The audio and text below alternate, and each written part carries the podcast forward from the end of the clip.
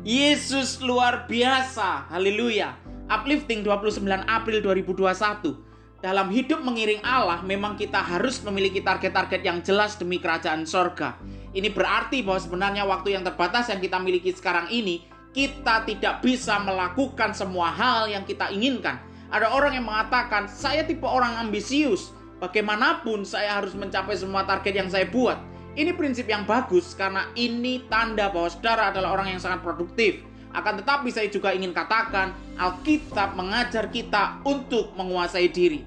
Jika kita melihat menguasai diri merupakan salah satu bagian yang disebut dalam buah roh. Ini artinya menguasai diri adalah elemen yang penting bagi kehidupan kita.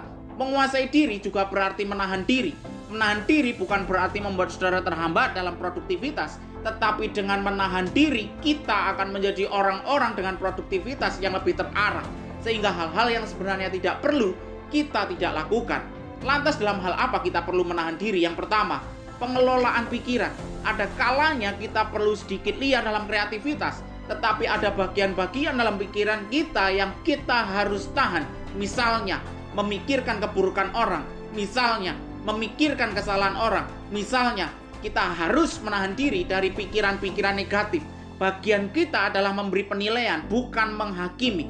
Yang kedua, kita harus menahan diri dalam hal tindakan kita harus menahan diri dari tindakan-tindakan yang bisa merugikan diri kita dan juga orang lain. Yang ketiga, kita harus menahan diri dari hal pemuasan diri. Kita harus bisa menahan diri bahkan untuk keinginan-keinginan kita. Karena Alkitab katakan cari dulu kerajaan Allah dan kebenarannya. Ini artinya mari kita prioritaskan yang benar. Mari kita lakukan prioritas yang utama. Karena ketika kita mencari dulu kerajaan Allah dan kebenarannya yang terjadi adalah semua ditambahkan untuk kita.